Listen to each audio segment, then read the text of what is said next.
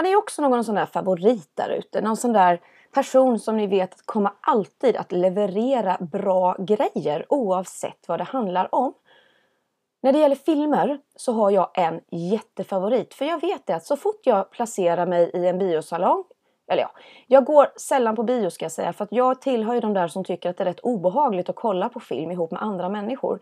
Jag kan ha en enstaka människa med mig i soffan till exempel men är det någonting jag tycker är ett jävla otyg så är det det med folk som ska sitta och kommentera saker under filmer och ännu värre de som ska sitta och äta och dricka. Jag förstår verkligen inte varför det måste vara en sån jävla grej att sitta och slurpa i sig Coca-Cola och äta popcorn på en biograf. Fy fan vad det stör mig. Jag har på riktigt ställt mig upp och gått ut ur biosalongen vid några tillfällen i mitt liv. För jag klarar verkligen bara inte av det. Man sitter och kollar på Pirates of the Caribbean och ska liksom gå in i den här mytologiska piratvärlden och grotta ner sig och titta på snygga karlar en stund som fäktas lite. Och så sitter det någon jävel precis bakom en som håller på och slafsar i sig massa godis och grejer. Nej, fy fan. Biografer det gillar jag faktiskt inte. Jag är ledsen men jag gör inte det. Och när jag ska ha det riktigt mysigt ibland, då slänger jag på en film av min absoluta favoritregissör. Han heter Chris Nolan och alla vet ju för fan vem Chris Nolan är. Och gör ni inte det, då tycker jag verkligen på riktigt synd om er. Han är inte gammal, han är typ i min ålder och han har gjort skitmycket bra filmer. Riktigt jävla bra filmer. Det är liksom sådär att när man går igenom hans lista över regisserade filmer, producerade filmer då är det inte en jättelång lista. Det är kanske 15-20 stycken produktioner men näst intill samtliga är filmer som verkligen på riktigt tillhör filmhistoriens kanon. Sådana där filmer man bara ska se. Han har ett berättargrepp i sina filmer som är helt fantastiskt. Förutom det att han har jävligt snygga filter, väldigt mycket blåtonade filmer som jag uppskattar. Jag tycker det är snyggt med blåtonade filmer. Så har han alltid otroliga soundtracks i bakgrunden melodislingor som liksom ligger och pyr sådär lite grann under. Eh, typexemplen kommer jag diskutera här nu i den här podden, i det här avsnittet då, när jag går igenom film för film. Men ni vet precis vad jag menar. Man kan slänga på en melodislinga och man vet precis vilken film det är det handlar om. Jag tycker det är helt fantastiskt när man lyckas göra det på det sättet, på så bra sätt. Jag hade tänkt att köra en topp 5-lista för att det finns ju någon sån där magi i det där. Man ska köra fem stycken. Men nej, jag kunde inte göra det. Jag kunde inte ta fem stycken. Det blev sex filmer faktiskt. För att jag kan inte utesluta någon av de här filmerna jag tänker nämna. Den första filmen jag tänker prata om det är den filmen som liksom introducerade mig till Chris Nolan. Och det ironiska är att jag hade ingen aning om att det var Chris Nolan som hade gjort filmen. För det här är en film som jag har sett många gånger och jag tycker den är skitbra, jag har den hemma. Och först nu efter kanske 10-15, ja faktiskt om jag ska vara helt ärlig, för den här filmen kom år 2000. 22 år senare så vet jag att det är Chris Nolan som gjorde denna. Och det är en av hans absolut första filmer. Det är en film som utspelar sig i USA. Och det som är speciellt med den här filmen som har gjort den väldigt, väldigt berömd och stilbildande faktiskt, det är att den utspelar sig i två parallella spår. Det ena spåret är svartvitt. Det är det som är nutidshistorien i kronologisk ordning. Det andra spåret, det är tillbakablickar Fast i omvänd ordning. Det är det som gör den här filmen så jävla cool.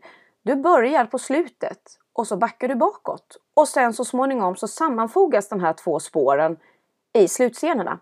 Och det är då poletten faller ner. Filmen jag pratar om heter naturligtvis Memento. Den kom alltså år 2000 och huvudrollerna spelas av Guy Pearce. Han den här fantastiska australiska skådisen som Ja, han var väl först och främst med i serien Grannar. Ni vet den här australiska serien som gick i hur jävla många avsnitt som helst där även Kylie Minogue var med en gång i tiden.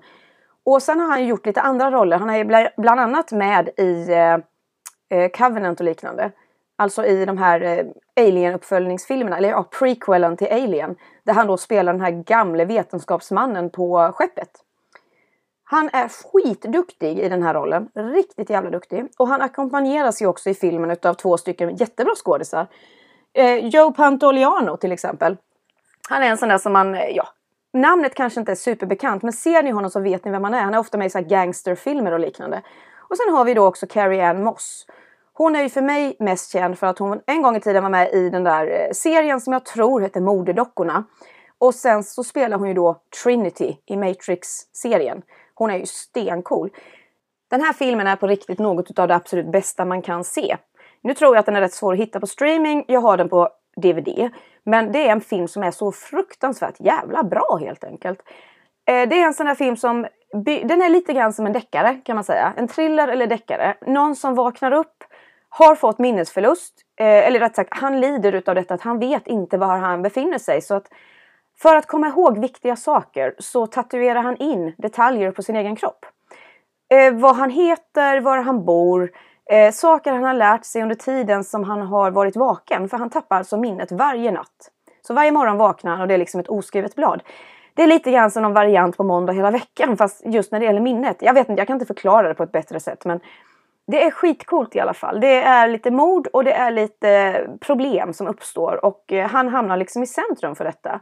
Och så dyker då den här karaktären Joe, Joe Pantaleano upp också då som ska, ja, man vet inte riktigt vem han är. Är han en kompis? Är han en arbetskollega? Är han en skurk? Är han en hjälte?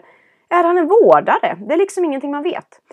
Memento är en av världshistoriens bästa filmer så den ska ni absolut se. Och det är ju som sagt en av de första filmerna som Chris Nolan gjorde. Och det var ju där han liksom satte lite grann ribban för sina egna filmer.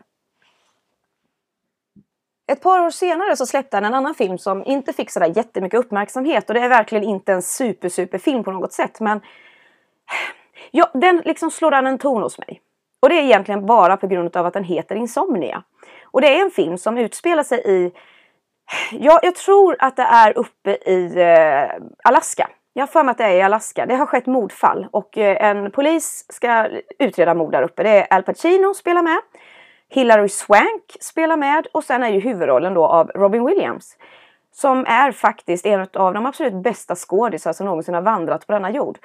Jag tillhör ju de där som inte tycker att Robin Williams var bra när han var rolig. Ungefär lite grann som Jim Carrey. Jag föredrar när de spelar seriösa roller och är det någonting som Robin Williams var skitduktig på så var det att spela ett creep. En riktigt jävla otäck individ.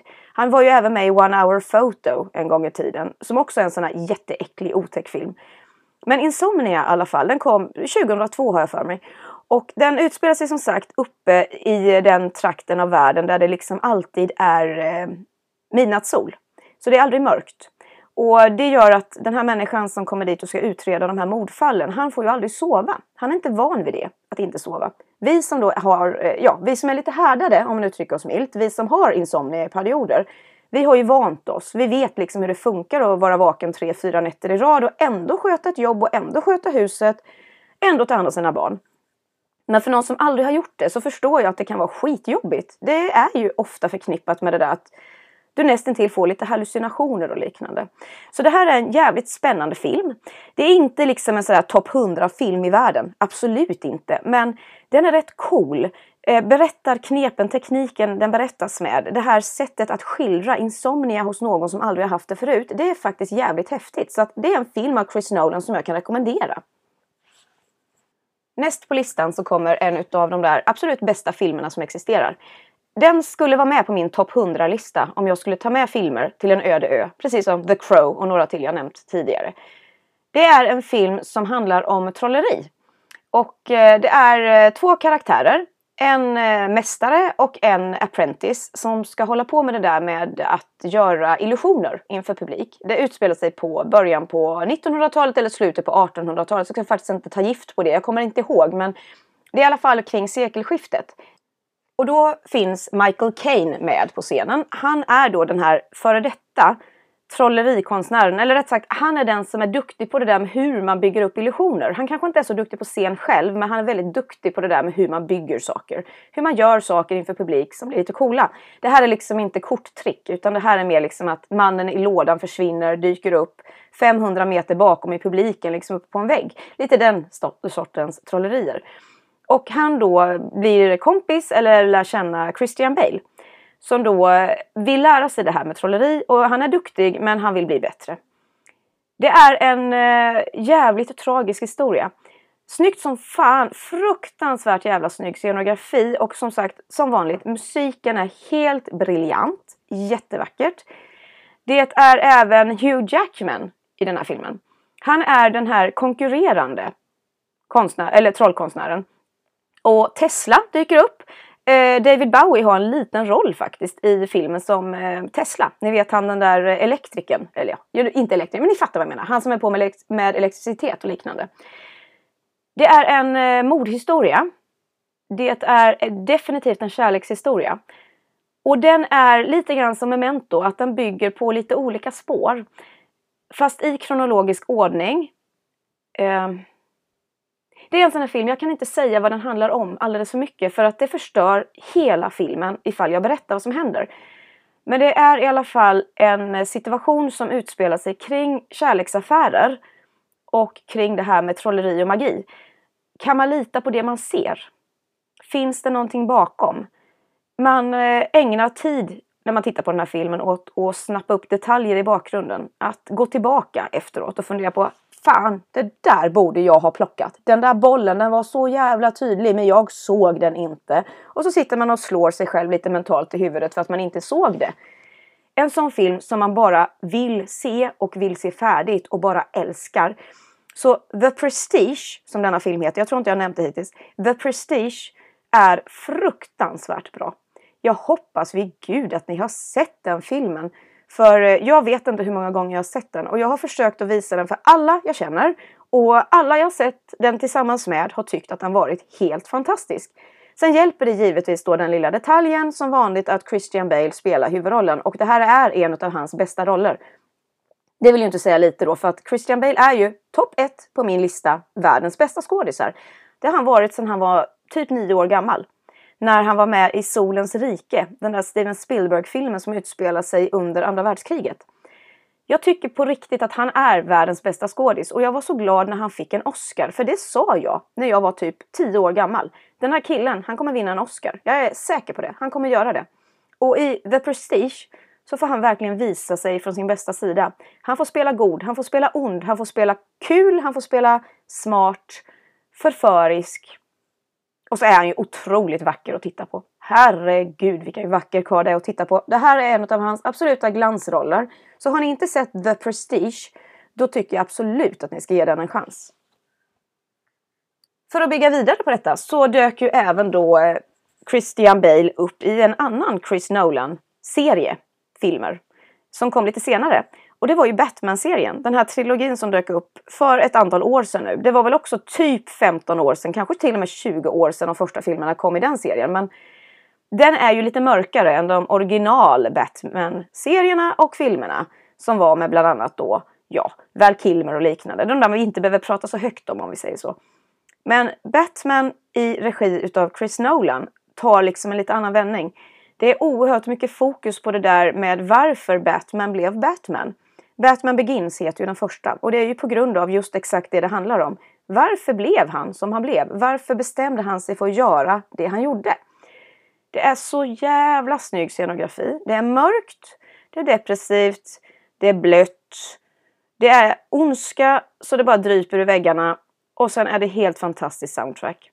Det finns en melodislinga som löper genom Batman-filmerna som går precis hela jävla tiden i bakgrunden som ett spår. Och sen leker de väldigt mycket med det här melodistycket så att när det är vissa karaktärer som dyker upp då är det en viss sorts stämning i musiken. Man använder kanske ett annat instrument. Man kanske lägger ett annat tonläge på den. Ja, jag kan inte förklara det bättre än så för jag är ingen musiker men håller man på med musik så fattar man lite grann vad jag menar. Att det, det är liksom man bygger melodislingorna beroende på karaktär. Och det är någonting som Chris Nolan ofta gör i sina filmer. Om ni lägger märke till det. Lyssna noga nästa gång att ni vet att det kommer dyka upp en viss person i en sekvens i en film. Bara för att ni hör det på musiken. Eh, han har ju också då bland annat i de här Batman-filmerna som är så jävla bra. En del riktigt bra karaktärsskådisar. Eh, Gary Oldman givetvis, han spelar ju den här polisen. Gary Oldman är ju så jävla briljant. Alltså hans rollprestation i Dracula den filmatiserade versionen av Bram Stoker ihop med Winona Ryder som kom för, ja nu är det säkert nästan 30 år sedan. Det är ju, eh, alltså det är också en sån här topp 100-film. Den ska med till min öde ö. För jag älskar den filmen så jävla mycket. Gary Oldman, skitbra. Vi har ju även eh, Killian Murphy som jag nämnt i ett avsnitt eh, som handlar om det här med eh, skräck. Han spelar ju med då i Peaky Blinders. Han med de fantastiska blå ögonen, den här irländske skådisen. Han är skitduktig som en skurk. Och som skurk i Batman-serien så dyker ju även Tom Hardy upp i rollen som Bane den här jävligt bra otäcka människan som eh, är en av de där karaktärerna jag gillar för att han ändras ju. Liksom. Han är ond, han är ond, han är ond. Nej, men vänta lite nu. Finns det någon förklaring? Nej, men vänta, åh oh, gud! Är han lite sådär hjälte i den här? Jag kan inte säga mer än så, men den är faktiskt, hans rollprestation är skitbra. Alltså, Tom Hardy är ju alltid duktig. I Peaky Blinders bland annat, han dyker ju upp där som den där vandrande juden eller vad han kallas för. Så fruktansvärt jävla bra skådis. Så att Batman, den kombinerar liksom de bästa skådisarna, bästa soundtracket, bästa scenografin med den bästa regissören. Så helvete, självklart har ni sett Batman. Annars måste må, ni måste göra det. Ni, ni, bara måste se den serien. Oavsett om ni gillar det där med superhjältar eller inte. Jag är ingen superhjältemänniska. Jag tycker att X-Men är rätt underhållande. Men i övrigt så gillar jag faktiskt inte sånt. Men Batman-trilogin av Chris Nolan är faktiskt riktigt jävla bra oavsett genre. Och som lite avslutning här nu så tänkte jag ta och nämna de två filmerna som är på riktigt, riktigt, riktigt, riktigt jävla briljanta. Jag vet att jag kanske överanvänder ordet briljant och skitbra och super och allting när det gäller Chris Nolan. Men faktum är att, som jag sa i början på det här avsnittet, av alla filmer han har gjort så är det så jävla få som inte håller. Dunkirk, det är en sån här film som jag faktiskt inte tyckte var någonting att ha. Tenet, det är väldigt delade åsikter om den filmen. Ja, okej, okay, men definitivt inte hans bästa om vi säger så. Men det finns två filmer som jag tror inte jag träffat en enda människa någonsin som inte gillar de här två filmerna. Faktiskt. Båda två börjar på I. De är lite svåra att hålla isär av just den anledningen. Den ena filmen är ju Inception. Det är Leonardo DiCaprio-filmen eh, där även Joseph Gordon-Levitt dyker upp i en roll. Eh, och det är en film som handlar om det där med drömmar man har liksom på något sätt lyckats knäcka det där med att gå ner i drömstadier och dessutom ta sig in i andras drömmar för att skapa upp nya verkligheter, för att förändra historien. Det är en så fruktansvärt jävla bra film. Eh, och där dyker ju även Elliot Page upp i en roll när hen fortfarande då tillhörde sitt födelsekön. Det är en eh, jätte, jättebra film som sätter fingret på det där med verklighet. Med eh, mänskliga psyket, sådana saker jag gillar jättemycket. Det är en kärlekshistoria. En fruktansvärt tragisk kärlekshistoria. Och det gör ont i hela kroppen när man kommer mot slutscenerna. Eh, Chris Nolan har ju en fabläs för att eh, använda sig av samma skådisar om och om igen i sina filmer. Så att, eh, ja, Christian Bale dyker upp jättemycket i hans filmer. Eh, Michael Caine dyker upp jättemycket i hans filmer. Och sen så är det en fransk skådis, en tjej, som heter Marion Cotillard eller någonting. Jag vet inte exakt hur man uttalar det. Men det är en fransk skådis som är skitduktig. Och hon är ju med då i Inception bland annat. Och även i Batman. Har jag för mig? Nu blir jag fan... Jo då, visst fan. Jo, självklart. Hon är ju med i Batman-serien också. Gud, nu håller jag nästan på att spoila här. Ja, hon är med i Batman också. Men eh, det är en jätte, jätte, jättebra film. Eh, så fruktansvärt snygg scenografi. Det är något av det coolaste jag sett tror jag på tv. Nästintill någonsin. Innan nästa film kom då som jag ska nämna alldeles strax. För eh, Chris Nolan lyckas med den här bedriften att skildra en vriden verklighet. Att skildra det där med drömstadiet på ett sätt som är helt jävla briljant. Det, alltså det är så snyggt! Man kan liksom pausa filmen och titta bara på sekvenser. Bara titta på bilderna, på bildspråket, på hur de har byggt upp saker och ting. Skitfin film, otroligt cool story. Jättesorglig som sagt och en av Leonardo DiCaprios bästa rollprestationer. Så den här filmen Inception, det är en film som ni bara måste se. Näst på listan så kommer ju också den här filmen på i. Och det är den bästa filmen av Chris Nolan, i min åsikt mångas åsikt kan jag säga. Eh, det är en film som lämnar spår efter sig. Det gör ont i hjärtat, det gör ont i kroppen, det gör ont i hjärnan att tänka. Ja, nu låter det sjukt men eh, det är en sån där extremt smart film. Det finns folk i min omgivning som tycker den är jättejobbig att se för de fattar den inte. De fattar inte filmen. De tycker det är skitjobbigt för det är en film som handlar om jordens undergång framtiden där mänskligheten har varit så jävlig mot naturen att det finns verkligen snart ingenting kvar på jorden att äta. Det är konstant smog, det är konstant dammoln, det är konstant sandstormar Den enda maten som går att äta i princip är majs. För det är den enda grödan som fortfarande klarar sig på jorden. Resten har liksom bara, ja det har dött ut. Och i den här världen då, den här postapokalyptiska världen kan man säga, så finns det en familj med en pappa som spelas av Matthew McConaughey och så finns det ett par stycken barn och de bor själva i ett hus. Han är eh, astronaut och vetenskapsman. Så eh, han har inte jobbat på ett tag men eh, när jorden nu är på väg att gå under så får han i uppdrag att han ska rädda jorden. Nej, det är inte Armageddon utan i det här fallet så handlar det om att man tror att man har funnit möjligheten att bo på andra planeter. För man har insett att jorden är körd. Det finns liksom inte någon annan jord att välja i närheten. Man kan liksom inte programmera om det, man kan inte starta om det. Det finns ingenting man kan göra. Mänskligheten har försökt men de har inte lyckats. Så man har hittat en annan planet, eller några andra ställen i universum som man tror vi skulle kunna bo på. Och det här utspelar sig alltså i någon sån här fiktiv framtid så att man har skickat ut rymdskepp för att scouta eh, kring Jupiter. För där har man hittat ett svart hål. Och det den här filmen gör så jävla coolt är att den handlar om det där med tidsresor. Eller rättare sagt om det där med att åka genom wormholes, maskhål.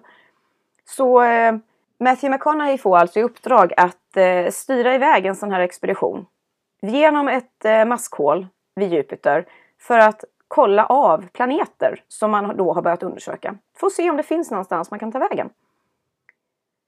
Det är inte en rymdfilm. Faktiskt. Eh, jag sku, ja, det är väl science fiction per definition. Ja, definitivt per definition. Men det är inte det som är det intressanta egentligen i den. Utan eh, det är eh, dels då rollprestationerna, för det är fruktansvärt bra skådisar i alla roller. Jag tror inte det finns någon roll där det inte är en bra skådis. De har lyckats. Till och med barnen är liksom spelade utav jättebra skådisar.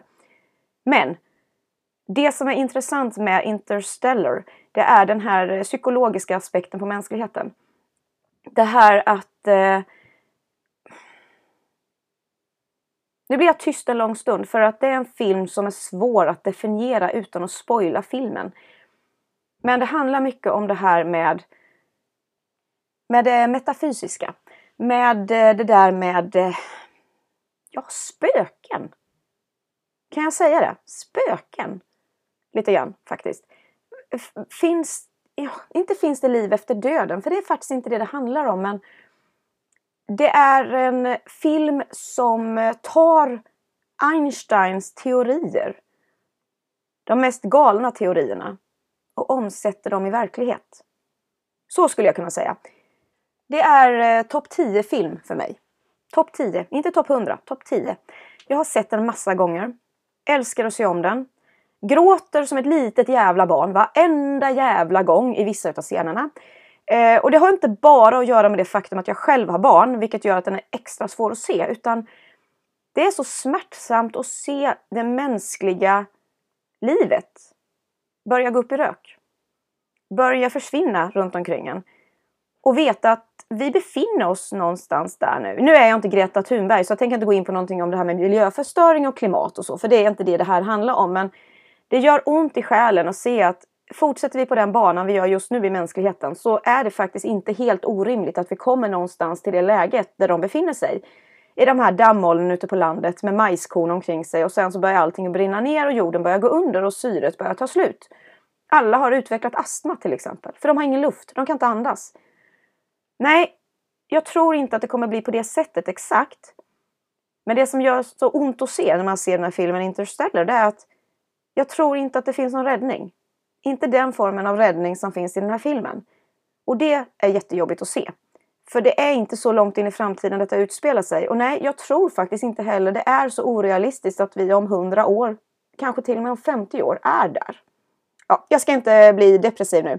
Men eh, som sagt, ni märker. Interstellar, det är en film som lämnar spår efter sig på alla sätt och vis. På precis alla sätt och vis.